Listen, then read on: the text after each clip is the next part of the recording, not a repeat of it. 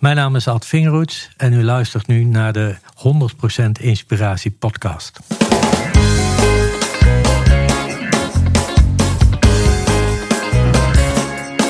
Hey, wat goed dat je luistert. Hij staat weer voor je klaar. Je wekelijkse dosis inspiratie is weer daar. De allerleukste gasten geven al hun kennis prijs. Met je veel te blije host, hij praat je bij. Zijn naam is Thijs. Thijs,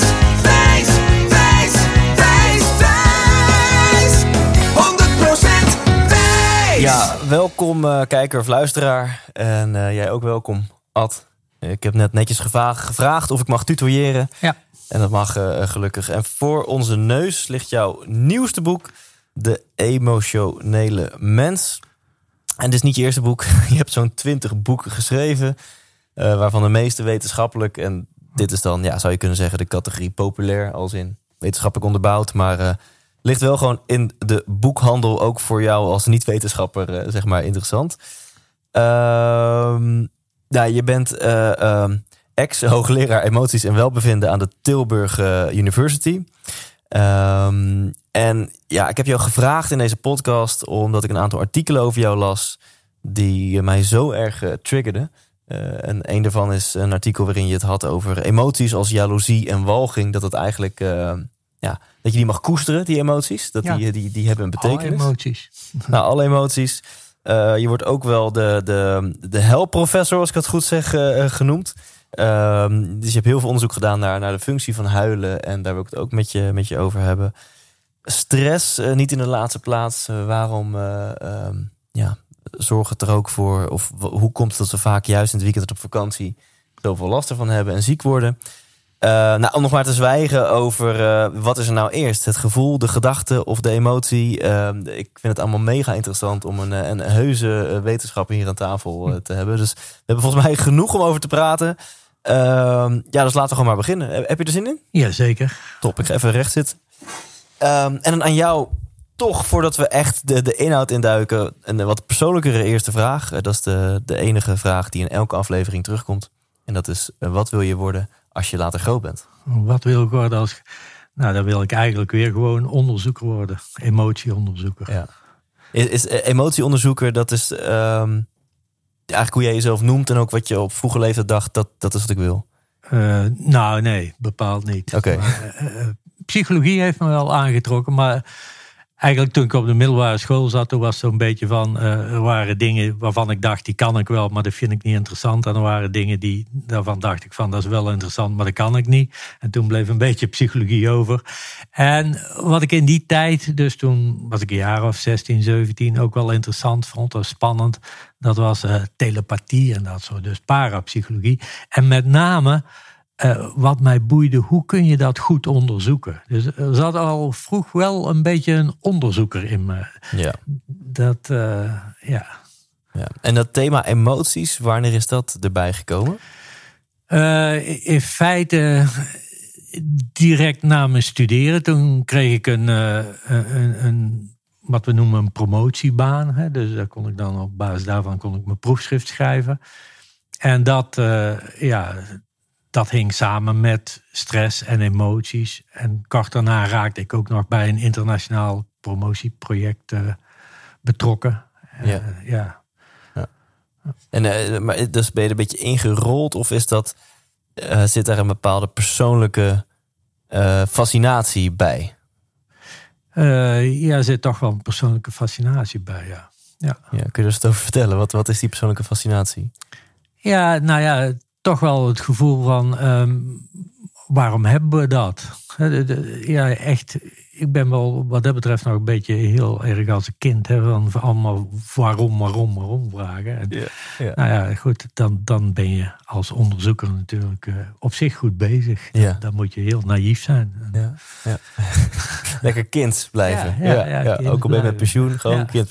Nou, we laten gewoon lekker de inhoud in, in duiken. Want ik wil allerlei eh, levensvragen aan je stellen. Maar eh, als emotieonderzoeker, wat zijn emoties? Laten we daar gewoon eens even bij beginnen.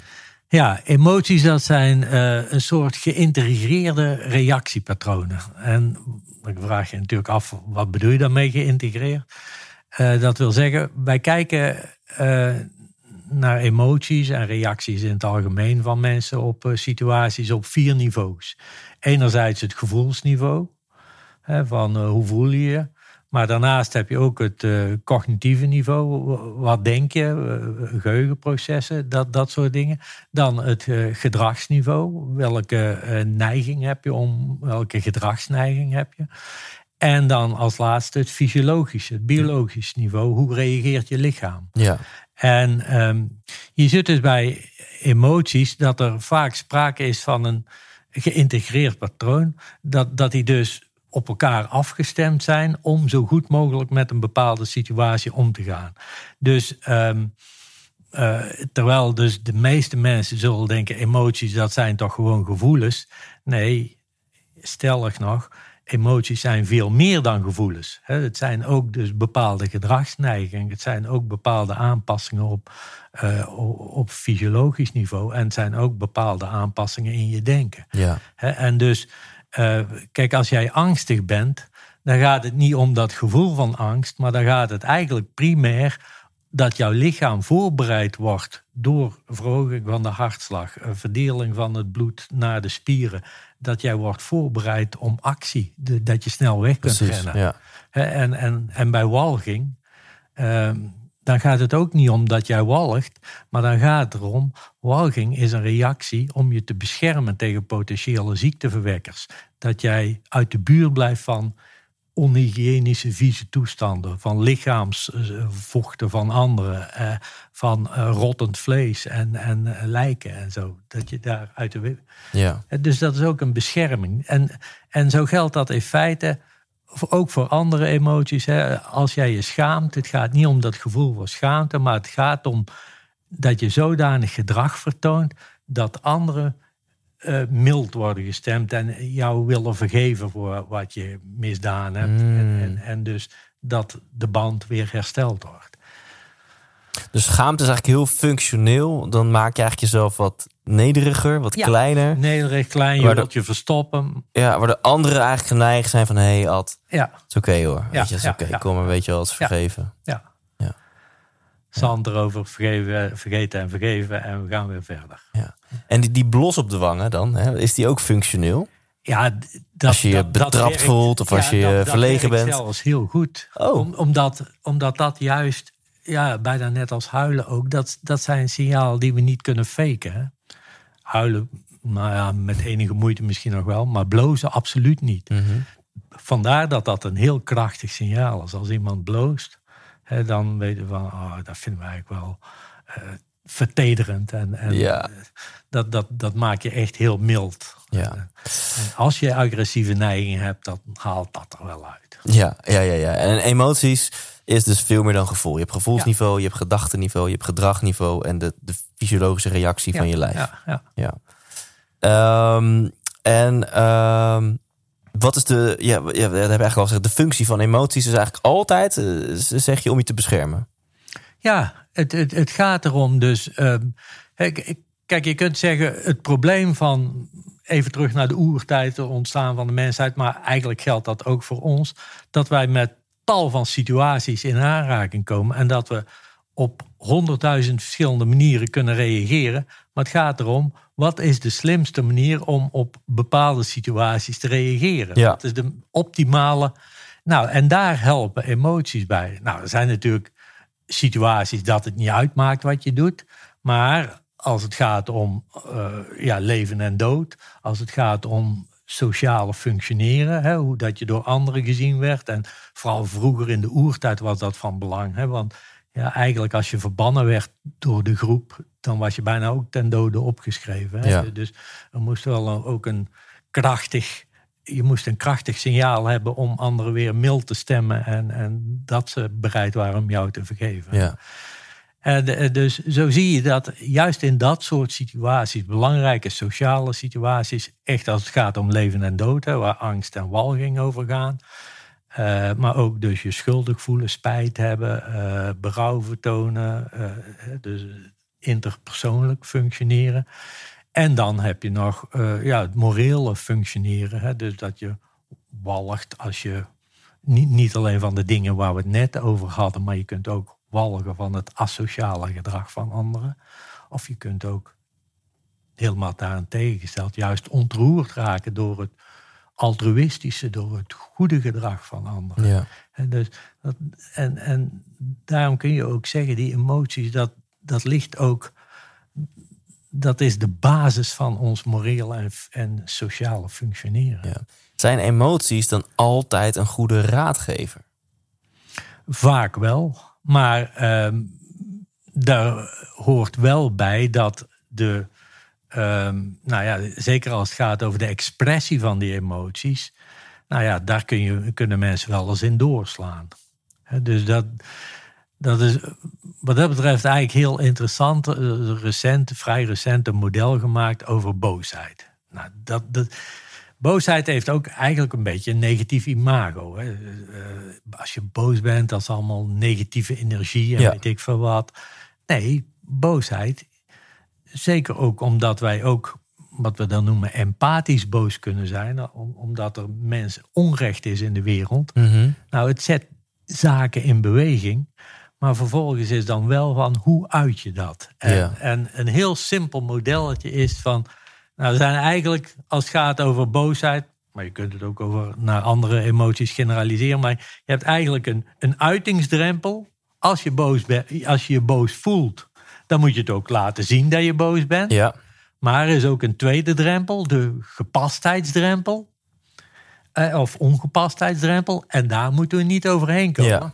Want als je dan op die manier zo extreem boos bent, dan keert dat weer tegen, als een boemerang tegen je. En dan ja. Word je eh, als een gekkie of dan heb je jezelf niet in de hand. Dan Ja, of, of eindig in de gevangenis. Ja, ook dat in extreme gevallen. Hè. Dus, dus die boosheid is wel heel goed, maar je moet het wel kunnen beheersen. ook. Ja. Nou, dit is dan, laten we hier dan meteen op, op ingaan, want het is een interessant thema. Eh, sommige mensen ervaren veel boosheid, sommige weinig. Laten we beginnen bij de mensen die dat veel ervaren, of die ook al ervaart één keer per jaar. Maar als je het ervaart dat het zo hoog is dat je inderdaad moeite hebt met, ja, hoe kom ik er vanaf? Hoe uit ik het op de juiste manier? Want misschien is jouw ingeving dat de meest bevredigende uiting is om het op een manier te uiten die eh, problemen oplevert. Bijvoorbeeld op andere mensen of om dingen te slopen of zo. Ja. Ehm, dus laten we daar eens- eens bij beginnen. Hoe, hoe kun je dat het. Ja, hoe kun je dat, dus die beheersing jezelf aanleren? Of, of is het niet een vorm van beheersing? Hoe kun je je boosheid het beste uiten?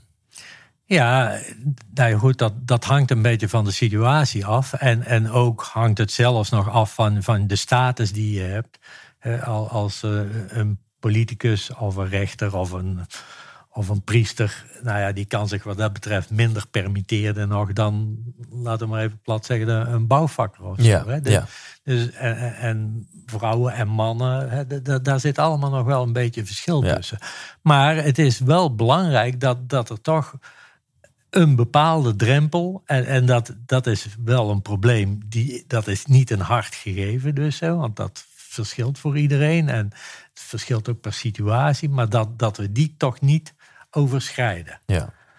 En ja, hoe dat je dat dan precies doet, dat, dat, hopelijk heb je dat in je. En als je dat niet in je hebt, ja, dan zul je daar eh, bepaalde therapie of zo voor moeten volgen. Ja, ja. ja, dus het is niet een soort van nu een, eh, een life hack of een eh, quick fix om je boosheid onder controle nee, te hebben. nee. Ja. Enig idee hoe die, die vormen van therapie eruit zien?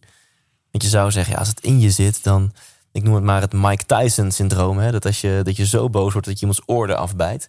Is dat, is dat eruit te therapieën? Ja, nou ja, kijk, er zijn natuurlijk wel gevallen eh, van boosheid en, en het gebrek aan beheersing en korte lontjes die te maken hebben met bijvoorbeeld eh, traumatische gebeurtenissen. Dus je ziet het wel bijvoorbeeld bij eh, militairen, veteranen die getraumatiseerd zijn. En, en ook mensen met een hersenafwijking. De, daar zie je nog wel eens dat het voorkomt dat ze het echt niet kunnen beheersen. Echt een groot probleem. Maar ehm, ja, als je dat niet hebt, dan zou dat met een bepaalde therapie waarbij je ja, toch realiseert om eh, ook wat de consequenties zijn. Ja. En, dat, en dat je altijd moet beseffen van. Ah, eerst is al beseffen dat je zelf in staat bent. Hè? Ja. Kijk, als je makkelijk het, je kunt zeggen, ik ben het weerloos slachtoffer daarvan, maar dat is natuurlijk niet. Dat moet je al beseffen. Geldt ook voor, uh, nou ja, weet ik veel, sportsituatie. Ja, jij noemde Mike Tyson, maar ook die voetballers, Suarez, die ook uh, allemaal uh, op voetbalveld liep rond te bijten. ja. ja, nou ja, goed, die heeft dat nou voorlopig toch even goed onder controle. Ja, ja. ja, dus dan kun je toch in therapie-settingen die consequenties inzien. Wat toch dan ook helpt om in de heat of the moment je toch nog meer te beheersen dan wat je daarvoor deed. En, en boosheid is dus, eh, dit, we zijn even extreme gevallen, maar over het algemeen is boosheid dus net als bijna elke emotie, of net als alle emoties, een nuttige uh, raadgever. Uh, kan dus uh, zelfs uit empathie komen, kan ook komen uit zelfbescherming, een grens aangeven. Een signaal, een krachtig signaal naar anderen van je stop met waar je mee bezig bent. Ja. Want ja, ik wil dit niet. En dan de andere categorie, en dat ben ik. Mensen die eigenlijk nooit boos worden. En nou is ook mij niet onbekend dat ik het lastig vind om, om grenzen aan te geven. Dat ik het ook soms lastig vind om mijn grenzen te voelen.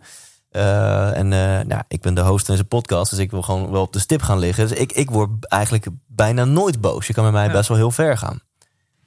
Uh, kun je daar wat over vertellen? Ja, nou ja, dat kan ook tot problemen leiden. Want dat maakt dus dat, uh, dat, dat jij geen signaal geeft als er iets is waarvan jij toch eigenlijk vindt dat het veranderd moet worden. En dan, omdat jij dat signaal niet, gaat, niet geeft, zal er ook niks gebeuren. dus, dus dan blijft de situatie zoals die mm, is. Ja. En dan verandert er niks.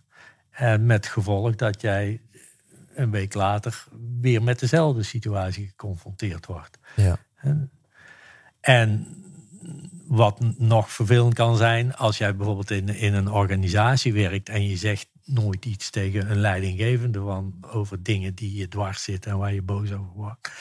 En als je het dan ook nog eens zo gaat doen dat je dat misschien wel vertelt aan vrienden in de kroeg of mm, zo, dan, dan krijg je ook nog eens dat dat bedrijf ja, een slechte reputatie kan krijgen. Terwijl zij van niks weten. En dus ja. dat jij het niet vertelt. En dus hebben zij ook geen reden om iets te veranderen. Dus dat maakt het voor een, een, een organisatie waarin dat soort mensen werken, ja. maakt het ook een beetje lastig. Ja, ik denk überhaupt ook, ook, spiritueel gezien is het misschien gewoon geen leuk spanningsveld wat je wil. Of het nu gaat om werk of niet. Dat je tegen van persoon A iets vindt. En tegen persoon A zeg je dat niet. En tegen persoon B, C en D wel. Dan krijg je een soort van spanningsveld. Wat je eigenlijk helemaal niet wil. Ja. Ja. Nu vul ik het voor jou in, maar dat is even mijn persoonlijke mening. Ja, ja, ja.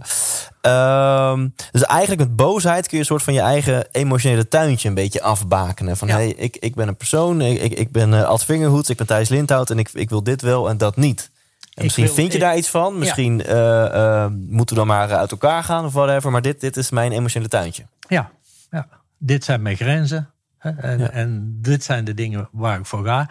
En wat ook nog iets is, kijk, die, die emotie, bijvoorbeeld ook boosheid, dat zegt niet alleen over jouw toestand op dat moment. Maar als je er ook nog bij betrekt, specifiek waarom jij boos wordt, dan zegt dat ook iets over jouw persoonlijkheid. Hè?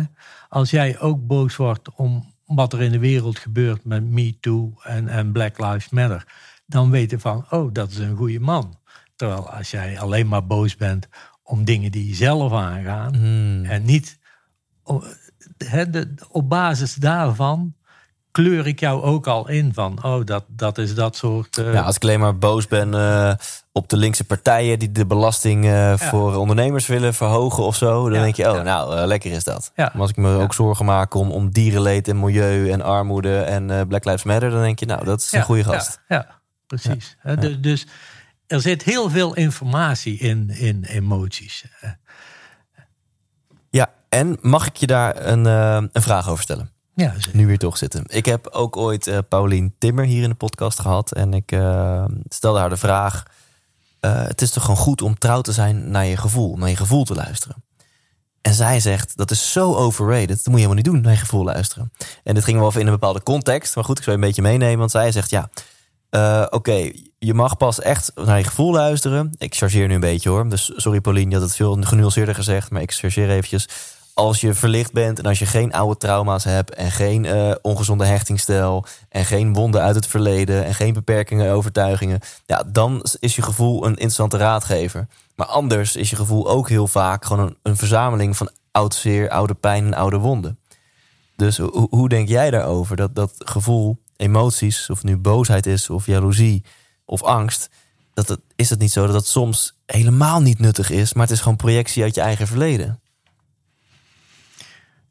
Uh, nou, dat, dat zal ongetwijfeld kunnen. Wanneer er sprake is van trauma's en dat soort zaken, dan kan dat zijn. Dan, dan krijg je echt te maken met uh, dysfunctionele uh, toestanden. Maar als dat niet aan de orde is, ja, dan zijn het wel goede raadgevers. Ja, dat lijkt me een goed antwoord. En kun je dan daar verschil in duiden? Hè? Want het is wel wat lekker als je weet, uh, oeh, volgens mij uh, word ik nu heel boos, maar heeft het meer te maken met mijn, mijn eigen trauma dan met de situatie. Ja, ja, als je dat, maar dat kan af en toe lastig zijn, dat, dat snap ik best. Ja. ja. Ja, ja, precies. Ik probeer een een of andere geheime tip uit je te halen, maar die... die... Nee, die zit er niet in, denk ik. Die zit er niet in. Ja, daar ben je eerlijke wetenschapper genoeg voor. Nou, dan toch even binnen deze categorie. Ik zei net al, ik vind het best wel lastig om mijn grenzen aan te geven. Dus in zo'n context waarin iemand over mijn grens gaat, dan is soms de emotie die bij mij overheerst een beetje ongemak voor de ander. Van, ja, dat is een beetje de pleaser in mij. Dat kan ik toch niet die ander niet aandoen. Dat is toch niet leuk voor die ander. En dat maak ik mezelf liever maar een beetje klein. Vind ik... Dus in dat moment is mijn emotie is eerder, ja, eerder een beetje schaamte of ongemak. Uh, die ander geen pijn willen doen. Hmm. Maar ja, als ik naar die emotie luister, ja, dat, dat, dat levert me dus alleen maar ellende op. In die Ja. situatie was de, de, de, de emotie een beetje boosheid of geërgerdheid was lekkerder geweest. Ja, ja en, dan- en dan ook goed geuit op de juiste Precies. manier. Want als je een beetje geërgerd bent, dan, dan merk ik, dan, dan slaat je brein een beetje het hoofdstuk over van ja, dat is niet zo leuk voor die ander. En niet zo leuk voor die ander. Hallo, ik, ik zit ergens mee. Ja. En dat kan be- eh, beheerst heel functioneel zijn. Maar mijn vraag hierin is, ja, in die situaties is mijn emotie dus eigenlijk helemaal niet functioneel. Want die emotie weerhoudt mij er juist van om mijn eigen grens aan te geven. Ja. Ja, de- ja, dan is er sprake in feite van te veel suppressie in feite. Hè? Dus je, Ja, kun je daar eens wat over vertellen? ja, wat kan ik daar nou meer over zeggen? Kijk, kijk we Nou. hebben natuurlijk allemaal tot op zekere hoogte, hebben het net over gehad, het vermogen wel om onze emoties te onderdrukken. Ja. Hè? En, eh, maar dat, dat kan dus net zo eh, dysfunctioneel zijn als het overdreven uiten. Hè? De- Ja. Het is, wat ik zeg, we hebben die twee grenzen, die, die uitingsgrens en die Ja. ongepastheidsgrens. En daar moet het eigenlijk tussen Dat, dat gebied, ja. Ja. Dus andere mensen moeten in therapie om hun boosheid te, te, te- onder controle te hebben. En ik, even bij wijze van spreken, ik moet in therapie om te leren om die emoties gewoon te laten zijn. Ja. ja, ja. helder. Ehm, om nog even terug te komen op die vier niveaus, want daar heb ik nog een, eh, een hele belangrijke vraag over. Hè. Dus nogmaals, die vier niveaus is het gevoel, de gedachte, je gedrag en hoe je lichaam daarop reageert. Hè, noem maar even bijvoorbeeld verliefdheid, voel je ook gewoon in je, in je buik. Dat, Ja. dat is misschien niet wat je bedoelt. Ja, verliefdheid is volgens mij geen emotie. Kijk, Maar goed, eh, Ehm, nou, we zeggen angst. Hè, dat, dat, dat, dat, Ja. dat kan ik echt hier zo een beetje bij mijn middenrif kan ik dat echt, eh, Ja. echt voelen. Ehm, maar nou is mijn vraag, wat, wat, wat is de volgordelijkheid hierin? Eh, en om daar meteen iets aan te koppelen. Ik, heel veel mensen, en ik zelf ook, hebben vaak het gevoel van ja, ik voel het eerst in mijn lijf. En daarna pas van oeh, wat, wat is dat? Ga ik het onderzoeken? En dan pas komen de gedachten erbij. ja. Eh, maar jij hebt daar ongetwijfeld een eigen mening over. Wat, wat is de volgordelijkheid? Ja, nou ja, goed. Daar zijn de meningen een beetje over verdeeld. Er zijn verschillende zienswijzen. Maar kijk, een, een dominant model is wat we noemen het cognitieve model. En dat is toch dat we eerst naar een situatie kijken. En dan heel snel een inschatting van die situatie maken. Van is de situatie belangrijk? Is het positief of is het negatief? Eh, wie acht ik verantwoordelijk voor, voor die situatie? En op basis daarvan eh, ontstaat een emotie. Ja. Dus stel dat er iets ergs gebeurt. En je hebt het idee van, oeh, dat heb ik, eh, dat heb ik gedaan. Dat, nou, dan voel je je Schuldig. dan voel je je schuldig. Maar als er hetzelfde gebeurt en je denkt van, eh, oei, dat is het werk van mijn buurman, dan word je. Boos. Ja, en als er weer hetzelfde gebeurt en je denkt van, ja, dit is nou het noodlot, daar kan niemand iets aan doen, dan zul je misschien. Ja, eh, onschuldig, verward, hopeloos. Ja, hopeloos of ge- geaccepteerd. Hè? Je Ja, ja. accepteert het. Of, eventueel verdrietig. Hè? Dus je ziet dus, afhankelijk van wie jij verantwoordelijk acht voor de situatie, Ah, krijg je al verschillende emoties. dit, is- dit vind ik een hele interessante. Maar eh niettemin, eh, anderzijds is het zo dat, dat we ook wel... Er is ook een theorie die zegt inderdaad... dat een oude theorie al van, eh, van William James... een bekend eh, psycholoog, eh, filosoof. En die zegt de emotie, dat is het waarnemen van een fysiologische reactie... en de interpretatie daarvan. Dus die zegt Hmm. van ehm, wij huilen niet omdat we verdrietig zijn, maar wij voelen de tranen en we zeggen daarom ik ben verdrietig. En we, we, we, krijgen geen klamme handen, zweethanden omdat we angstig zijn. Nee, ik voel die klamme zweethanden en ik denk van, goh, ik ben angstig. Dat is ook dat voorbeeld wat jij geeft. Ah, ja. En daar zijn dus gewoon de meningen over verdeeld. Dat is, ja, dat is niet. zijn dat is- verschillende zienswijzen. Ja. Ja, ja. En in, in deze zienswijze zou het dus inderdaad kunnen zijn dat jouw je lichaam reageert gewoon. En, en, en pas zodra jouw kop zich ermee gaat bemoeien, dan krijg je ook dat Ja. gevoel van angst of, eh Ja, of kan verdriet. het wel ook versterken. Hè? Ja. Dat, dat is zonder meer eh, te waar. Ja, ja. En en wat is jouw visie hierop? Nou ja, ik denk, je komt echt wel een heel eind met wat ik noem dat cognitieve model. Hè? Dus hoe, hoe dat je tegen de wereld aankijkt. Is te, kijk, al- al- als er een situatie is waar- waarvan je zegt van nou dat interesseert me niks, dan zul je ook geen emoties ervaren. Is het positief, dan zul je positieve emoties ervaren. Ja. Is het negatief, zul je negatieve Ja. emoties ervaren. Dat, dat is heel evident natuurlijk. Op zich kom je daar een heel eind mee. Ja. Maar bijvoorbeeld een, een brok in je keel of, of een angstig gevoel in je onderbuik. Eh, is jouw visie daarop van hey, dat, dat je lichaam reageert? En, en daarna ga, krijg je dus het bijbehorende gevoel. Of zeg je nee, er is een weliswaar wellicht onbewust, maar er is absoluut een gedachte aan vooraf gegaan. En jouw buik of jouw keel reageert al op die onbewuste gedachte. En daarna pas ga je dat fysieke ding analyseren en komen er bewuste gedachten bij. Ja, het- ja ik, ik moet zeggen, ik heb het ook allebei erva- ervaar ik het wel eens. Dus even een stap naar mijn huilonderzoek. Ja. Wa- Waarom ik daar zo geïnteresseerd in raakte, dat was ook omdat ik op een gegeven moment naar zo'n, noemen we dan een B-film zat te kijken.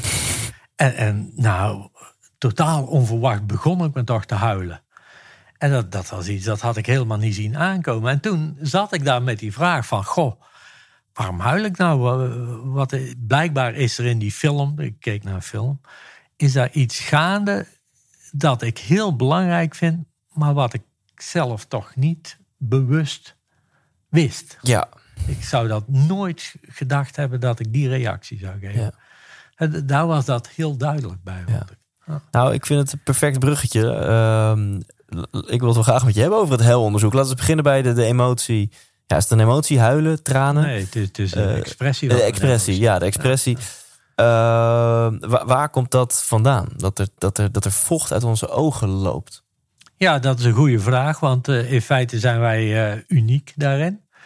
Dus ehm, eh, kijk, als je kijkt naar andere dieren, zoogdieren dan en sommige vogelsoorten, die hebben ook wel wat we noemen vocaal huilen. Het, diermodel van huilen, dat, dat is haal de jonkies, gaat dan over jonkies, weg bij de ouders en dan beginnen ze te piepen. Dat zien we dus bij alle zoogdieren en vogelsoorten. Nou, mensen verschillen in twee opzichten van dieren, wat huilen betreft. Enerzijds dus, wij zijn ook in staat om dan eh, die, die tranen te produceren. Dat, doet, dat doen dieren niet. En bij die dieren, daar houdt het gedrag eigenlijk op eh, als ze volwassen worden. Het is eigenlijk beperkt tot, tot de kindertijd. Mm, ja. En bij ons gaat het eh, ja, van geboorte tot graf. Ja. we. Dus, Nou, en we- weten we dan inmiddels waar het vandaan komt? Want je zou zeggen dat alles wat wij doen, dat dat functioneel was. Ook in de oertijd om te Ja. overleven en voort te planten. Wat is de functionaliteit van, van, van huilen? Ja, nou ja, kijk, kijk, van dat vocale huilen, dat is duidelijk. Hè? Dus ehm, even terug naar de oertijd. Stel je voor dat een, een moeder draagt haar kind. Mensenkinderen, mensenbaby's zijn de meest hulpeloze wezentjes die er zijn. Een, een, een, een aapje, vergelijkbaar aapje, dat kan zich vastklampen aan de vacht van de moeder. eh, eh, eentjes die net uit de ei komen, die kunnen al achter de moeder aanlopen. Hè, dat, dat kunnen mensen, baby's niet, die zijn extreem hulpeloos. Eh, stel dat de moeder een baby kwijtraakt en hij begint te huilen, nou dan is het heel makkelijk om dat kind weer terug te vinden. Zelfs in het donker en in dicht struikgewassen. Maar aan dat uh, huilen zit wel toch een, een, een, een, ja, ook een andere kant.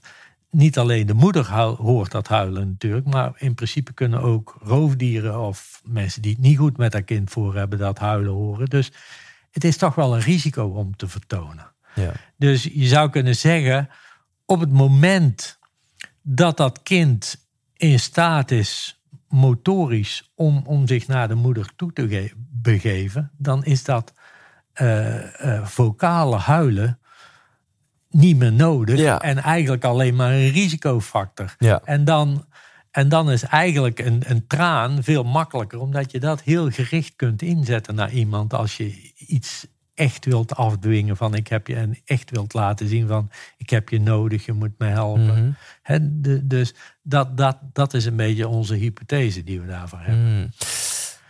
En dan ben ik heel benieuwd wat die hypothese dan zegt over de momenten dat je in je eentje helpt. Want dan, als er niemand in die omgeving is, ja, dan, dan heeft het geen functie van eh, geef mij aandacht, help mij, zie mij. Nee, maar laat ik eerst al vooropstellen dat we uh, het meeste huilen tussen zes en tien uur s'avonds in, in gezelschap van onze vrouw of onze vriendin.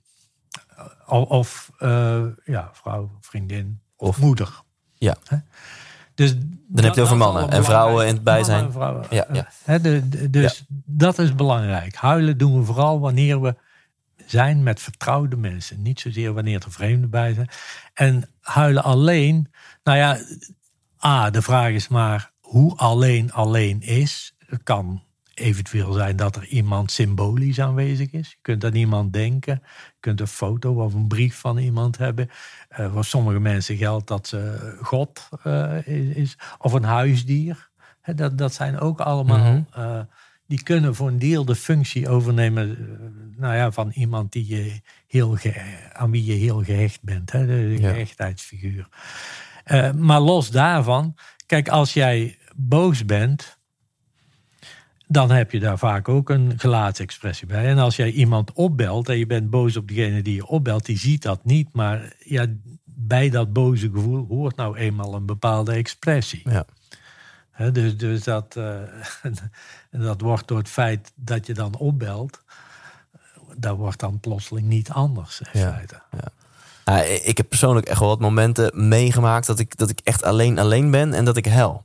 Ja. En um, is, is het onderzoek wat jullie nu aan het doen zijn al zover dat je, dat je daar antwoord op hebt? Wat, wat daar de, ja, de oorzaak of de functie van is? Nou, ja, kijk wat ik zeg. Het, het, het, het is natuurlijk, je huilt omdat je behoefte hebt aan, aan, aan iemand. Omdat je iemand nodig hebt. En ook op, mocht daar op dat moment niemand zijn, ja, dan zul je toch dat gedrag vertonen. Ja. ja. En wat jullie ook aan het onderzoeken zijn op dit moment, is uh, hoe, hoe eerlijk zijn mensen die huilen? Ja. ja, moet ik eigenlijk een beetje bij het begin beginnen. Ja, doe dat. Um, kijk, want wat wij op een gegeven moment deden was, wij uh, hebben dus foto's van huilende mensen met tranen en dan poetsen we die tranen weg, digitaal. Dus we hebben dezelfde, precies dezelfde foto's met en zonder tranen en dan laten we die mensen beoordelen van hoe aardig vind je die persoon, hoe betrouwbaar vind je die ja. persoon, et cetera. Nou, en dan, ja, van huilende persoon wordt altijd vaak gezegd hè, van, ah, mensen die huilen zijn zwak en, en uh, neurotisch misschien en dat, dat soort dingen. Mm -hmm. Maar wij vonden dus ook dat die consequent werden huilende mensen als uh, uh, ja, warm en, en, en oprecht. Ja. En en, en toen nog een onderzoek. En toen vonden we dat, ja, dat zijn de mensen. Mensen die om de goede reden huilen. Die worden gezien als, uh, uh, ja, dat zijn dus mensen waar we mee te maken willen hebben. Dat zijn de mensen die we als buurman willen hebben. Die we als vriend willen hebben. Die we als collega willen hebben. Want iemand die uh, in een bepaalde situatie, als er iets ergs gebeurt en die huilt niet. Dan vinden we hem dat maar een koude kikker. En ja. weer terug op op ja, dat je iemand een bepaalde persoonlijkheidskenmerk toeschrijft als iemand te veel emoties vertoont, of juist in dit geval Ja. te weinig Ja. emoties. Hè? Dus daar willen we niet zo mee te maken hebben. Nou, en dus, dus wij vonden een aantal keren van mensen die huilen, die worden als eerlijker en oprechter gezien en authentieker. Nou, oh, interessant. Maar de volgende vraag is dat, zijn ze dat ook echt? Nou ja, dus toen hebben we weer een vervolgonderzoek gedaan. En in eerste instantie allemaal met eh, eh, ja, wat wij noemen zelfrapportage. Moeten mensen vragenlijsten invullen hoe, hoe ze zijn. En toen vonden we dat ja, hè, mensen die meer geneigd zijn om te huilen, die zeggen van zichzelf ook dat ze meer geneigd zijn om anderen te helpen, om nou ja, aan een goed doel te geven, dat, Mm. dat soort zaken. Hè. En ook dat ze asociaal gedrag van anderen sterker afkeuren en zo. Ja. Nou, interessant. Maar ja, dan kun je weer als kritiek hebben, dat is allemaal zelfrapportage. Misschien doen die mensen zich beter voor dan ze zijn. Hè? Dus, dat, dus toen hebben we het ultieme experiment gedaan wat dit betreft. Nou, oké, dan gaan we ook nog een gedragstest eh, invoeren. Dus wat hebben we gedaan? We hebben weer gemeten van een grote groep mensen van hoezeer zijn ze geneigd om te huilen. En vervolgens zeiden we van, nou krijg je een ontzettend saaie taak. Ze kregen twintig eh, pagina's op de computer, vol cijfertjes. Eh, ik geloof 22.000, of letters, sorry, geen cijfers, Mhm. letters. 22.000. En daar stonden, eh, ik geloof, 200 eh ennetjes in. En die moesten ze eruit halen. Ja, dat was echt om gek van te worden, de taak. Maar wij zeiden van, voor elk ennetje wat je eruit haalt, krijg je 5 cent, verdien je 5 cent. Dus je kunt 10 euro verdienen maximaal. Maar 90% van je, wat je verdient gaat naar een goed doel. Nou, de vraag was dan, hoezeer zijn mensen bereid om aan zo'n afschuwelijk taak, om, om daaraan mee te doen? Ja. En het bleek dus inderdaad dat mensen die meer geneigd waren om te huilen, meer geneigd waren om aan die taak te beginnen en ook langer doorgingen op die taak. dus eh, er zit wel iets, een kern van waarheid in dat eh, feitelijk is dat iets wat in de middeleeuwen al gezegd werd. En, en, en zelfs trouwens in de Griekse en Romeinse oudheid van alleen goede mannen huilen. Daar Hmm. lijkt het of dat daar wel een beetje een kern van waarheid is. Ja. En, en ik ben ook wel nieuwsgierig in het moment van huilen zelf. Ja. Want ik denk dat we en mensen op het moment dat ze huilen, dat we ze al heel snel heel eerlijk en oprecht vinden. Hè? Dat, dat is heel vaak onze, onze stempel van oh, als je een traantje laat, dan nu komt de kern eruit. Weet je wel? Nu, nu, nu geef je ons echt een kijkje in, in je binnenwereld. Eh, hebben jullie dat ook onderzocht? Nee, niet, nee, niet, niet het, het houdmoment zelf. Ja, we, we hebben wel, we weten wel inmiddels van wat voor soort situaties maken mensen aan het huilen. En wat zijn verschillen tussen mannen en vrouwen. En ook nog heel belangrijk en interessant hoe zich dat met het ouder worden ontwikkelt. Maar dat specifiek, eh, nee, dat hebben we niet gedaan. Nee. Nou, in je boek eh, ja, beschrijf je eigenlijk aan een aantal emoties. ehm, ja, eigenlijk zijn je hoofdstukken opgedeeld aan een aantal, een aantal verschillende emoties. Ik vind het wel leuk om er een paar verschillende uit te halen. Want hoofdstuk 3 gaat over eh, empathie. En dan heb ik het over jouw nieuwste Ja. boek, eh, De Emotionele Mens. Ja. Eh, wat, wat is de functie van empathie? Of wat is empathie? Misschien moeten we daar beginnen. Nou ja, empathie, dat, dat is dat je in feite voelt wat een ander voelt. En dat, dat is buitengewoon belangrijk voor ons interpersoonlijke functioneren. Wo- Wordt ook altijd heel eh, gezien als een belangrijk positief kenmerk. Hè? Dat, dat je, eh, wordt er nog een onderscheid gemaakt overigens tussen wat we noemen eh, affectieve empathie. Dus dat je echt hetzelfde gevoel hebt. En cognitieve empathie, dat je in ieder geval ook begrijpt ja. wat een ander voelt en waarom dat een Ja. ander iets voelt. En ehm, ja, daar wordt in de regel veel belang aan gehecht, terecht. Hè, want ook wordt wel gezegd dat bijvoorbeeld in de hulpverlening, hè, artsen, therapeuten, eh, verpleegkundigen, eh, het is belangrijk dat die empathisch zijn, omdat ze dan beter eh, Mhm, ja, eh, ja. hulp kunnen verlenen. Eh, dat, dat is ook. En nou goed, als jij empathisch bent, kijk, als jij aan iemand die je kent een, Je moet een cadeautje geven aan degene. Nou, als jij heel empathisch bent, dan ga je na van, nou, wat, wat vindt hij of zij leuk? Hè? Oh ja. En, en op basis daarvan ga je een, zorgen voor een cadeautje om, Ja. om hem echt te verwennen, blij Ja, te maken. ja. Maar ehm, er zit ook een keerzijde aan. Want als ik iemand zo hard mogelijk wil treffen, zo gemeen mogelijk pijn wil doen, Mm. ook dan is het handig om empathisch te zijn. Ja. Dan kun je dat veel beter. En ja, nog een probleem met empathie is. Kijk, ons empathisch vermogen is heel gering. Meestal kunnen we maar voor één persoon empathisch zijn. We kunnen niet, als er ergens een ramp gebeurt, er zijn 30.000 slachtoffers, dan kunnen we niet voor 30.000 mensen Nee. empathisch zijn. Maar dan vaak zie je dan op tv, hè, dan wordt er één kind of één persoon uitgelicht. Nou, en die krijgt dan, ik zou bijna zeggen, de volle lading empathie.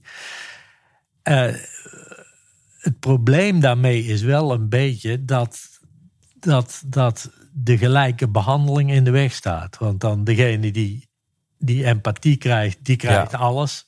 En de anderen krijgen niks. Ja. De- dus dat, dat is een beetje het probleem. En zo heb je tegenwoordig ook met die diversiteit.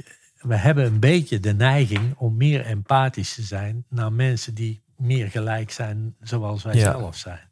Dus dat kan diversiteit een beetje in de weg staan. Ja. Dus, dus daar zit, zit ook wat schaduwkantjes aan. Maar goed, als we ons daar bewust van zijn, dan eh, kunnen we daar wel Ja, en je kan hiermee ontzettend manipuleren ook. Dus Ja. stel je hebt een bepaalde groep mensen, waarvan er bij wijze van spreken 98 die, eh, die doen iets heel naars en gemeend. En, en twee eh, zijn heel lief en vriendelijk. En als je dan net die twee die zeg maar in beeld brengt, dan denken wij, oh, nou, dat zijn hele lieve, leuke mensen. Ja. Of andersom. Ja. En op die manier eh, kan je natuurlijk eh, erg beïnvloeden. Ja. Zoals in elk geval El Gore omschrijft heel erg in zijn boek hè, over, over klimaat. Dat hij Ja. zegt, er, er heerst al tientallen jaren een on- onwijze consensus onder wetenschappers. 98% is het ermee eens dat we de mens de aarde verkloten. Om het even kort eh, samen te vatten, 2% niet. Maar ja, die 2% komt even vaak eh, in het nieuws als die Ja, 98%. ja, ja, ja. Zodat de meeste mensen denken het is een beetje 50-50. Maar dat is een andere, andere Ja. discussie. Ehm, ja, angst en vrees noem je. Je hebt natuurlijk al gezegd hè, dat, dat angst dan, dan reageert eh, fysiek, je, je lijf. eh, Dan eh, eh, gaat er wat meer bloed naar je benen, zodat je weg kan rennen. Je hebt, eh, eh, als je angstig bent, eh, niet zo heel veel behoefte om te eten of om je voort te planten. Hè, je, je, libido en je, en je spijsvertering gaat even uit. Even op een laag pitje gezet, ja. Want dat is, dat is niet belangrijk. Overleven is belangrijk. Ehm, maar ja, is het ook niet zo dat, dat ja, op angst eh, ook heel erg nauw samenhangt met stress. En dat dat systeem niet alleen te pas, maar vooral ook te onpas afgaat in onze moderne maatschappij. Ja, kijk, nou zeg je het goed in onze moderne maatschappij. Dat, dat is een beetje het probleem. Eigenlijk is ons, brein loopt in, in veel opzichten gewoon nog, eh, nog eeuwen achter op onze, of op onze, op de culturele ontwikkeling. Ja. Wat wij nu in, in 100 jaar doormaken. Dat is zo bizar. Dat, dat kan de evolutie niet bijhouden. Dus daardoor ontstaan er allerlei, eh, ja, wat we noemen mismatches. Hè, We zijn, we zijn eigenlijk met ons brein nog niet toe aan de maatschappij waarin we nu leven. Ja, En dat, dat geldt ook voor stress. Hè, want in feite is het stresssysteem gaat eigenlijk over eh, acute stressoren. Hè, dus klassieke voorbeeld is de beer die voor je staat, dus je moet maken dat je wegkomt, Ja. anders overleef je het niet. Maar ja, tegenwoordig gaat het vaak over, eh, over chronische stressoren, eh, relatieproblematiek of eh, werkgerelateerde Ja. problematiek die meer. En dat, dat is van een totaal andere orde. Ja. Ja. Dus de, de- het is veel minder ernstig, maar je lijf reageert nog steeds alsof het die beer is die voor je staat. ja, ja. Ja, en dan heb je een, een systeem wat heel functioneel is om af en toe in een noodsituatie te voelen. Wat natuurlijk ook wel eh, ehm, ja, nadelige effecten heeft. Maar als het maar heel weinig voorkomt, eh, eh, valt het mee. Maar dat, dat, dat systeem gaat nu bijna elke dag af. Bij elke Ja. e-mail die je krijgt en bij je drukke agenda. En bij, Ja, en, en, en dus het, het is een systeem wat normaal gesproken hè, van, nou je hebt een acute situatie, je wordt alert en dan is de situatie over, dan ga je weer terug Ja. keurig naar je baseline niveau. Maar nu blijft dat op een verhoogd niveau en dan raakt je lichaam helemaal uit balans. Heeft dat dan te maken ook met je, je, zeg maar, je parasympathisch en je sympathisch zenuwstelsel? Ja, Ja. ja. Dus dat je te lang in die sympathicus, dus het stresssysteem blijft zitten. ja, ja. Ja, eh, ja, nee, ja, dat, zo kun je het zeggen. zo kun je het zeggen. Nou, wat het nog ingewikkelder maakt, is dat er zijn ook bepaalde toestanden eh, dat het parasympathische systeem eh, opspeelt. Met name, kijk, tot voor kort werd het parasympathische systeem vooral gezien als eh, het systeem wat eh, geassocieerd wordt met eh, ontspanning. Ja. Maar we weten nu dat het parasympathische systeem ook heel actief wordt, juist als we hulpeloos zijn. Oh, wauw. Hè, En dus nog even terug naar huilen.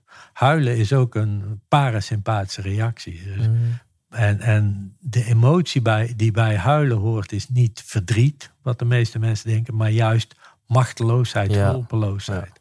Een krachtig signaal naar anderen toe van help mij. Hè? Ik kan het niet alleen af.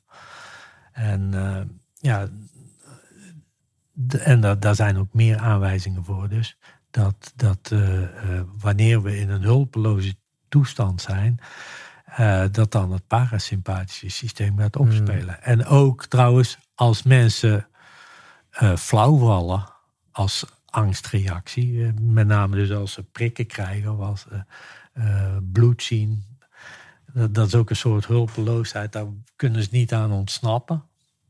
En dan zie je dus ook dat het eh, parasympathische systeem erg op gaat spelen. Ja. Ik vind het leuk om nog een aantal emoties te, be- te benoemen. Is dat, is dat oké? ja.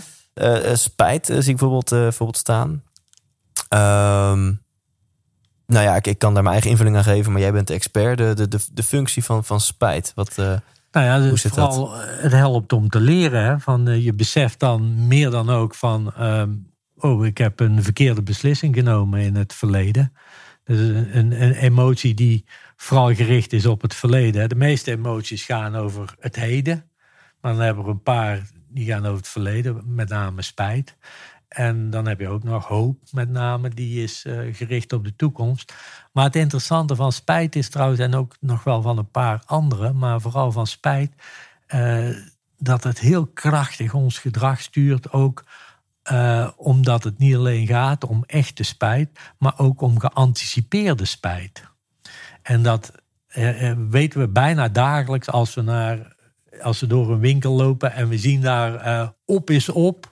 Hè, of eh, nu of nooit. Oh. Dan, eh, oeh ja, als ik eh, nou die laptop niet koop, dan krijg ik er spijt van. Ja. Hè, dus daar wordt ook nog eh, gebruik van gemaakt in dat soort situaties. Om ons gedrag te Ja. beïnvloeden. En het is een heel krachtig. Ja, het is een best wel, ik ervaar het zelf, het is een best wel krachtige emotie. Ja. Inderdaad, om jezelf eigenlijk even op de vingers te tikken of te reflecteren van oeh, dat gaan we niet meer doen. ja. Ja. ja. Ehm, en ja, schuld en schaamte. Ehm hebben we het eigenlijk al, eh, al, al redelijk eh, over gehad. La- laten we gaan naar hoofdstuk 8. Liefde en verliefdheid. Ja. Ja. Ik ben, dat, dat, dat is dan echt de romanticus in jou, of in mij, eh, en misschien ook in jou. Wat is de, de functie van, ehm, van, van liefde en verliefdheid? Nou, het idee is dat dat toch vooral van belang is om voor de voortplanting. Hè? Dat dat ons ertoe aanzet om, eh, om voor te planten. Hè? Ja. Dus vanuit een evolutionair perspectief. Er zijn een, eh, ja, een stuk of vier eh, suggesties gedaan in de literatuur. Hè, waar, waar, wat de functie zou zijn. En dan één is bijvoorbeeld dat, dat het heeft, ertoe heeft bijgedragen dat, eh, ehm, dat, dat kinderen, als er die komen, dat die verzekerd zijn van een vader en een moeder. Dus dat ze Ja. eh, meer kans hebben om, eh, op bescherming en dus meer kans hebben om eh, op te groeien. Ja. Dat is één manier. Ehm, er is ook een, een theorie die vooral wijst op, ga ik nog even terug naar walging.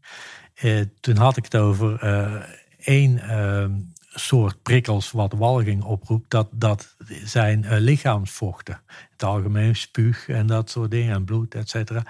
Maar eh, als jij op iemand verliefd bent, dan wordt die walgingsreactie geremd. Want anders zou jij niet in Ja. staat zijn om seks te hebben en, Ja. en, en te vrijen met, met ja. iemand. Als je dan denkt, oeh, gadver, je wordt nat. Dat is wel een beetje gek zijn. Ja, Ja. ja. Hè, dus, dus dat, dat is dan ook een krachtige, eh, eh, eh, ja, hoe zeg je dat? Een, een sterke kracht om die walgingsreactie omlaag te drukken, zodat je toch met mensen seks kunt hebben Ja. en kinderen kunt verwekken. Nou, nog een andere kijk is dat het van belang is omdat je, om je snel op een bepaald moment toch een keuze te laten maken van, ehm, ja, want je, je wordt minder kritisch. Hè? Het, is echt liefde maakt blind. Dat, dat klopt echt. Dat, dat kun je zelfs eh, mooi aantonen met, met hersenonderzoek. Hè? Dus als je foto's aan mensen laat zien van de persoon op wie ze verliefd zijn, dan zie je dus dat die stru- hersenstructuren die betrokken zijn bij kritisch naar anderen kijken, die worden minder actief. Dus, dus ja, de bekende uitspraak liefde maakt blind, dat kun je terugzien. En ehm, ja, je ide- idealiseert en daardoor is de bereidheid om, eh, om uit te stellen en nog naar een beter alternatief te zoeken, wat je anders misschien zou hebben, dat, dat is dan geminimaliseerd en je gaat aan de slag. Ja, ja. En nog een andere eh, theorie is, eh, nou het idee is dat, dat vroeger, dus in de oertijd, de mensen in groepjes van 150 eh, zo ongeveer eh, over de savannes zwierven. En dat waren dan groepen die toch een beetje animositeit hadden ten opzichte van elkaar. Het was toch een beetje concurrentie Mhm. als het ging om eh jachten, eh, et cetera, en eten. En, maar ja, het, het was wel belang, belangrijk dat er gepaard werd met personen uit de andere groep, omdat je anders inteelt kreeg. Dus er moest toch een kracht komen om die animositeit te overwinnen. Mm, Wauw. Eh, de- dus er zijn verschillende manieren om naar. eh, Het is toch, toch allemaal wat minder romantisch dan de liedjes en de films. ja. maar eh, verliefdheid en liefde is allemaal bedoeld om niet verder te zoeken naar een ander. Om, om je voor te planten en om een veilige nest voor je kids te realiseren. Ja, dan, dan rollen we meteen ook in de volgende. Jaloezie. ja, Wat, wat, eh, ehm, ik zou bijna zeggen, wat is er positief aan jaloezie? Want ik denk dat de meeste mensen, zowel bij hunzelf als bij hun partner, jaloezie nou niet echt bestempelen als van, goh, dat is toch even een hele functionele emotie? Eh, even, even eerst onderscheid maken, eh, want jaloezie dat gebruiken wij meestal in twee verschillende Mm. betekenissen. Je hebt de romantische jaloezie, hè? en je hebt ook jaloezie eigenlijk afgunst. Hè? Dus, Ja. Oh ja. Dat zijn twee verschillende dingen. Nou, even over die romantische jaloezie. Nou, ja, dat kun je zeggen dat in milde vorm hoort het er wel een beetje bij. Hè? Iemand op wie je verliefd bent, die, die wil je niet zomaar kwijt. En dus je zult alles doen om diegene die je hebt te behouden. En, en ook hoop je dat, eh, dat die geen seks heeft met anderen. Dat, dus, dus het, eh, kijk, vroeger was het probleem heel kort gezegd. Eh, papa's of eh, mama's baby, papa's maybe. Ja. dus, dus als man kon je nooit zeker van zijn of het kind wat je partner had, of dat wel van jou was. Ja. Dus, eh, nou ja, en dat zie je ook in de dierenwereld. Er zijn allerlei eh, aanpassingen van gedrag van dieren ook om ervoor te zorgen dat de partner die ze op dat moment hebben, dat die niet dat jongen heeft die niet van de van- de partner, van, van de mannelijke Mhm. partner zijn. Hè? Dus die gaat niet in, investeren in het grootbrengen in jongen van anderen. Ja. Dat, dat is waar het om draait bij, Ja. bij jaloezie. Ja. Hè, dus om dat te voorkomen. Ja. En je ziet het, nou ja, fijn ook in andere culturen, dat het, eh het guarding gedrag, zoals ze dat noemen. Hè, dus dat vrouwen een sluier moeten dragen, Mm. et cetera, en binnen moeten blijven. Nou, dat heeft daar ook in feite alles mee te maken. Ja. Willen, ja, je wil zeker dat de. Maar goed, het is heel erg vanuit het perspectief van de man. Hè? Je wil zeker Ja. dat, het- dat de baby van jou is, zeg maar. Hoe is dat vanuit het perspectief van de vrouw? Ja, nou ja, dat, die heeft dan eh, er baat bij dat eh, in feite de, eh, zij, zij moet er zeker van zijn dat die man ook eh, zijn bronnen zal investeren in het kind wat zij heeft. Wat zij baart en wat dan van die persoon is. Dus da- daar gaat het om. Het moet een, een trouwe man zijn die ook nog, eh, als het goed is, wel de nodige middelen heeft. Daarom ja, dat, dat, zie, dat zie je toch nog steeds wel. Dat mannen die zijn, die vallen meer op uh, jong, aantrekkelijk, vruchtbaar.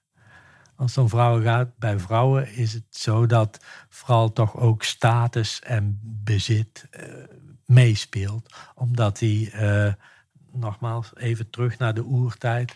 Omdat dat dan, dat ze daardoor meer kans hebben dat ze goede bronnen hebben om het kind ja. groot te brengen. En daarom zie ik wel wat vaker dat de man wat ouder is dan de vrouw. Ja, ja. ja. en, ja, en ja, ook vaak rijker en meer status en dat soort dingen. Ja, ja. Helder. Uh, ik wil er nog één negatieve en dan wil ik positief uh, afsluiten. Maar de negatieve die ik nog een beetje wil behandelen, of in ieder geval, dat is mijn label. Dat is depressie. Daar gaat ook hoofdstuk 10 van jouw boek over. Uh, ik ben heel nieuwsgierig of, of want dat lijkt in mijn ogen bijna een soort van programmeerfout van de mens. Een bug in de brein of van onze huidige maatschappij. Want volgens mij in, in het Amazonegebied bestaan depressies helemaal niet. Maar goed, ik ben heel nieuwsgierig naar wat, wat is de functie van een depressie? Ja, nou ja, depressie is dus ook geen emotie. Hè? Maar hmm. uh, het is, uh, ja, het is, uh, sommigen zeggen van het is een, een, een toestand die eigenlijk in mildere vorm wel nut heeft. Als, als je zegt van even naar verdriet, hè, wat je kunt zeggen, dat is misschien dan wel een, een vorm van uh, milde depressie en, en uh, ook niet zo lang, mm-hmm. dan zie je wel dat, uh, dat, dat je denken er scherper van wordt. Je kunt logischer denken, je bent minder kwetsbaar voor verstoringen in, het, in, in je denkprocessen. Eh, je bent realistischer, minder optimistisch. Dus dat, dat, dat is wel iets wat een positieve kant van, uh, van verdriet is. En sommigen zeggen van, nou ja, goed, daar heeft het misschien iets mee te maken. Um, maar goed, anderen die zeggen, ja, er zijn ook heel veel verschillende verklaringsmodellen van emotie. Hè. sommigen die zeggen van, uh, ja, nee, je moet het zoeken in uh, stofjes in de hersenen, hè, in uh, serotonine, gebrek aan serotonine. En anderen recent die zeggen weer, nee, het gaat vooral om, om hoe zeg, ontstekingsprocessen. Dat, dat, dat zijn de oorzaken van depressie. Ter, terwijl dus psychologische kijken, depressie is van nou ja, je kijkt naar de wereld en, en je ziet, uh, je voelt je eigen vooral machteloos en hulpeloos en overgeleverd aan, uh, aan de situatie. Uh, je, je kunt niks. Hè, dus passiviteit. Ja. en nou goed, het zal, ieder heeft wel voor een deel gelijk, denk ik. Ja, ja. Dus wellicht dat het zo is dat dat het eigenlijk te veel een term is voor uh, een paraplu-term voor heel verschillende ziektes. Ja. Hm. Dat zou zomaar kunnen. Ja, want kwam dat vroeger ook voor, als we dan naar terug gaan naar de oertijd, waarin het allemaal, ja, waarin de processen die we nu hebben veel logischer waren om, om echt voor te planten en te overleven. Wat natuurlijk al een paar keer deze podcast terug is gekomen. bestond depressie toen ook? Weten we daar iets van? Een goede vraag. Ja, dat, dat, weet ik eigenlijk niet. Als je het echt over de oertijd hebt. In ieder geval in de. Ja, in, in, in de middeleeuwen. En, en ik denk ook wel in de Griekse oudheid. Dat er wel iets soortgelijks was. Hè. Maar, uh, toen had je de vier sappen leren van Hippocrates. En dat was, het idee was, uh, dus uh, melancholie, dat komt daar eigenlijk van. Hè? Dus, dus dat zwarte gal, zwartgallig. Uh, dus als je te veel een overschot had aan zwarte gal, dan was je depressief, hmm. was het idee. Dus toen hadden ze al wel zoiets, maar goed, dan praten we nog niet over de oertijd. Nee, nee, nee, nee. Dus ja, hoe dat toen was, dat weet ik niet. Maar het, het idee is wel ja, dat als mensen echt in een situatie zitten waarin ze. Dat is ook een diermodel wel van, van depressie, geleerde hulpeloosheid. dus je kunt uh, honden, daar was dat met name mee gedaan, kun je uh, aanleren dat ze in een bepaalde situatie zitten, dat wat ze ook doen, dat niets helpt om eruit te komen. Ja, en dan zie je dat die beesten ook eh, ja, echt hulpeloos Hmm. gedrag gaan vertonen Ja. en heel, helemaal passief worden. En dat wordt wel eh, gezien door sommigen als een model van, eh, van depressie. Ja, ja, wauw. Dat kan dus ja, aangeleerde hulpeloosheid. Ja, ja. ja.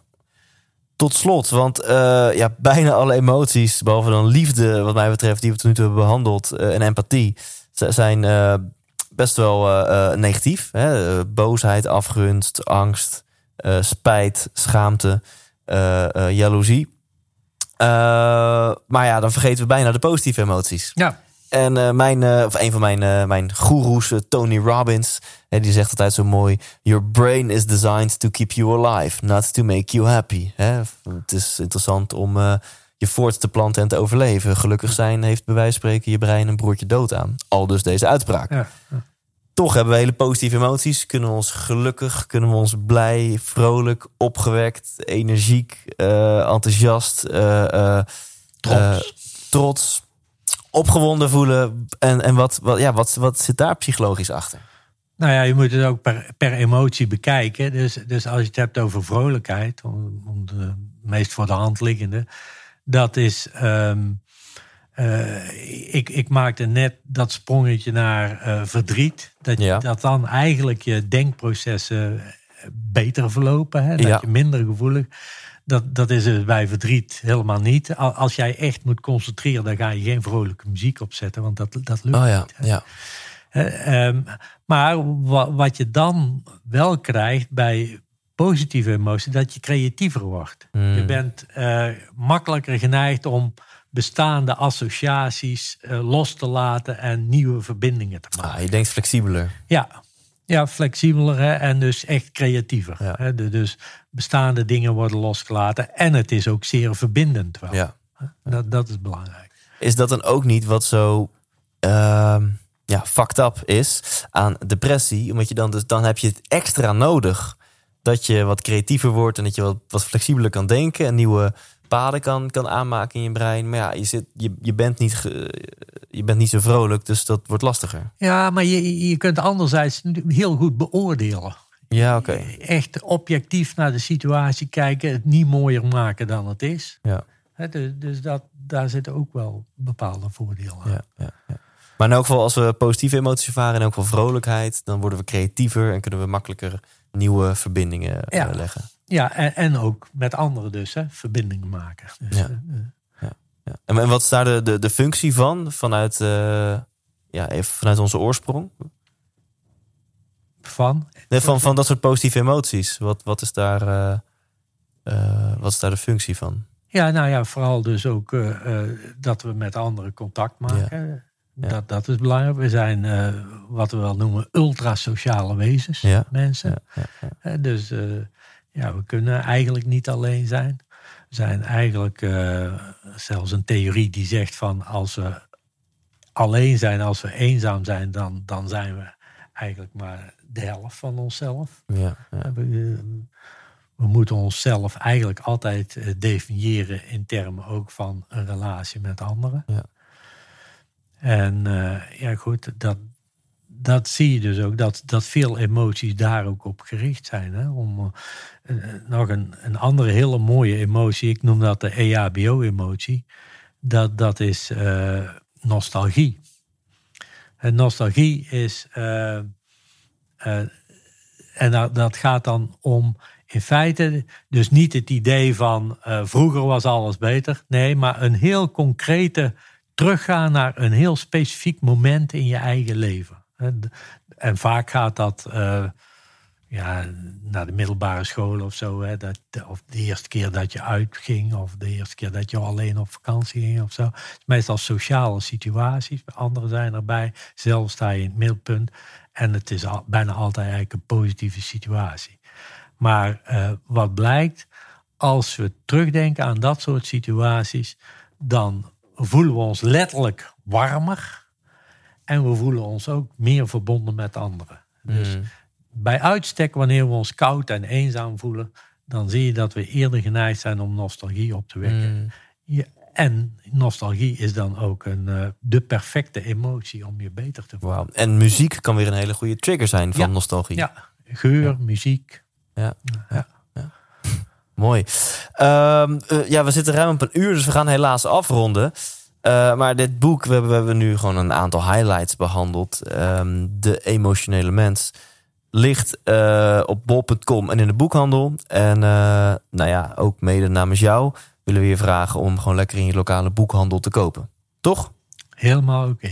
Dat is denk ik het allerleukste. En anders ga je lekker naar bol.com. Misschien dat hij ook wel op UBDO staat. Ik weet niet of je dat kent. Dat is een soort van duurzame bol.com. Ah. Waarbij ook nog eens een bedrag naar een goed doel gaat. Oké, ja. dus mensen die veel huilen, die gaan naar uh, UBDO. die gaan hem daar uh, kopen. Um, ja, tot slot, uh, Ad, is er nog een, een thema wat we hadden moeten behandelen. Wat we nog niet hebben behandeld? Ehm, ja, nou ja, omdat het bijna vakantietijd is. ja. Een terugkerend thema, dat is vakantiestress en ziek worden op vakantie. Dat, uh, daar is nu de tijd voor. Nou, die heb ik ook in de intro genoemd als een soort van uh, cliffhanger. Dus terecht dat we het daar nog even over hebben. Uh, hoe komt dat? Dat we in het weekend en op vakantie zo vaak ziek worden? Ja, wij denken dat er twee factoren kunnen spelen enerzijds is uh, wat je vaak ziet, is dat de mensen op het moment dat de vakantie nadert, dat ze allerlei dingen nog af moeten maken. Hè? Dus dat ze ontzettend hard moeten werken. En wat je dan ziet gebeuren is dat uh, gaat het adrenaline-niveau omhoog.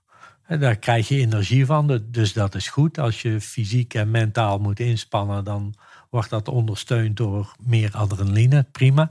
Maar als dat een paar dagen aanhoudt, dan zie je dus dat, dat die uh, stijging van die adrenaline, dat die niet meer de behoefte van het lichaam volgt. En met andere woorden, op momenten dat die eigenlijk terug moet gaan, zoals met name als je gaat slapen. Hè, slapen, dat is herstellen, dan moet die adrenaline dus flink teruggaan. Maar dat die dan toch hoog blijft. En dan raakt je evenwicht en ook je immuunsysteem blijkbaar uit balans. En dan ben je kwetsbaarder voor ziekte. Dat is één ding. En dan gaat het vooral over ja, griepachtige dingen, echt koorts en dat soort dingen. Maar wat je ook wel ziet, is dat mensen uh, ja, vage pijntjes rapporteren en vermoeidheid en zo. Dan kan er ook nog een ander, iets anders aan de hand zijn. Namelijk simpelweg dat pijn en vermoeidheid, dat zijn zaken die uh, aandacht nodig hebben. Als jij geen aandacht hebt voor je lijf, dan voel je dat niet. dus, en als jij dus heel druk bent met werken, dan merk jij die signalen uit je lichaam niet op. Dus als je hard werkt, dan merk je dat niet. Maar als je dan in het weekend thuis bent of in de vakantie en die afleiding van je werk valt weg, pas dan merk je die signalen uit je lichaam wel. En dan zeg je, oh, wat ben ik moe. Oh, en daar doet het zeer en daar doet het zeer. En net als de voetballer die de pijntjes pas na de wedstrijd voelt. Want onder de wedstrijd dan is hij ook te zeer afgeleid door wat er op het veld gaande ja. is. Ja. Dus één, zeg je, sommige mensen die gaan nog net die paar dagen voordat ze op vakantie gaan, even alle mails eruit rammen, alle projecten afronden. Dus die gaan met een veel te hoge adrenalinegehalte die vakantie in. En dat blijft daar plakken. Ja. En twee zeg je, ja, als je gewoon druk bent, ben je gefocust. En dan voel je al die pijntjes niet. En op vakantie heb je ineens de ruimte om die te voelen. Ja, ja, ja. dan is een vraag die me opkomt, is dat goed of slecht? Uh, nou, uh, ja, als je ziek wordt op vakantie, daar heeft natuurlijk niemand iets aan. Uh, dus wat ik voorstel, zeker als het over dat eerste gaat, hè, dat die adrenaline te hoog blijft. wat je dan misschien zou kunnen doen, is de laatste werkdag even een flinke workout. Even gewoon tot het gaatje gaan. En, en, en doordat je dan ook dat herstel meemaakt, dan kan je dat andere herstel meenemen. Hmm, dus dat je mentale herstel kan het fysieke herstel volgen. Ja. Wow. En, en dat kan wel eens uh, goed. Is dan sowieso hard sporten niet een goed idee bij, bij meerdere vormen van uh, negatieve emoties? ja, denk ik zeker. Ja. En over dat tweede, want daar, daar gaat mijn vraag eigenlijk over: is het goed of slecht? Zou kunnen zeggen, ja, het is slecht, want niemand zit erop te wachten dat je op vakantie ineens allerlei klachten hebt. Ja. Aan de andere kant, ja, het is goed, want blijkbaar was je dit aan het onderdrukken. Je, je bent weliswaar te laat, maar beter dat je weliswaar op vakantie, maar de, beter dat je in elk geval toch die gelegenheid pakt om aandacht te geven aan Nee, je. het, is, het is wel een signaal naar jezelf toe van, hé, hey, ik moet opletten Ja. natuurlijk. Er, zijn, eh, er is blijkbaar te veel van me gevraagd en ik moet, eh, ja. Ja, top. Dankjewel voor, dit, eh, voor deze toegift. Eh, ik loop er even naar het soundboard, want we hebben ook een outro jingle. Eh, maar terwijl ik daar naartoe loop, eh, wil ik jou eigenlijk vragen ehm, of je nog een laatste eh, les of wijsheid wil delen met de luisteraar. Of je die, daar, daar verras ik je mee. ja, En dan mag je ook in die camera met het blauwe voetje praten. Om die, die laatste wijsheid te delen aan het einde van deze aflevering. Oké. Ja. Ehm, nou ja, ehm, wat ik zelf heb geleerd als een eh, belangrijke les is dat het eh, af en toe heel simpel kan zijn. Ehm, laat ik eens heel openhartig zijn. Ik, ik heb een gehandicapt kind. En dat was heel eh, stressvol. En dat maakt het heel moeilijk om daarmee om te gaan. En je blijft maar hangen in de vraag van waarom ik? Hè, waarom overkomt mij dit? En plotseling kreeg ik toen het inzicht van ja, waarom ik? Waarom ik niet? En vanaf dat moment, dat hielp zo ontzettend om met dat, die situatie om te gaan. Ehm, ja, ik, ik- ik denk dat ik dat graag met iedereen wil delen. Het hoeft dan niet heel ingewikkeld te zijn, maar zo'n flitsend besef. En dat kan zoveel helpen om je stukken beter te voelen.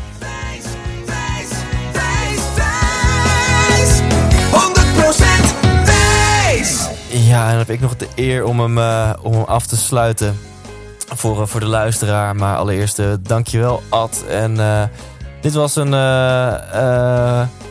ja, zeer eh, positief verrassend en emotioneel eh, einde. Ik ben dan toch nog wel eventjes benieuwd, terwijl de outro jingle nog lekker doorspeelt. Eh, wat was dan ook het, het antwoord op die vraag, wa- waarom ik niet? Eh, ja, dat, dat wist ik dus gewoon niet. Er kwam niet eens een antwoord, maar, maar puur het besef in plaats van waarom ik, waarom ik Ja. niet. Dat was een Ja. soort van Ja. opluchting. Ja, ja. Wauw, wauw. Die laat ik ook lekker voor jou als kijker of luisteraar eh, lekker resoneren. Want soms is, is eh, eh, jouzelf het denkwerk laten doen of het, of het laten resoneren bij jezelf het meest inspirerend en leerzaam. No- nogmaals, dankjewel Ad. En voor jou als kijker of luisteraar, ren naar de boekhandel voor de emotionele mens. Eh, die is eh, nog te verkrijgen daar. En dan kun je dus, nou ja, veel dingen uit deze podcast kun je dan echt uitgebreid lezen. En nog veel, veel, veel meer. Dus check dat boek, De Emotionele Mens, bij de boekhandel of op bol.com. Ehm, en anders gewoon tot volgende week. Leef intens.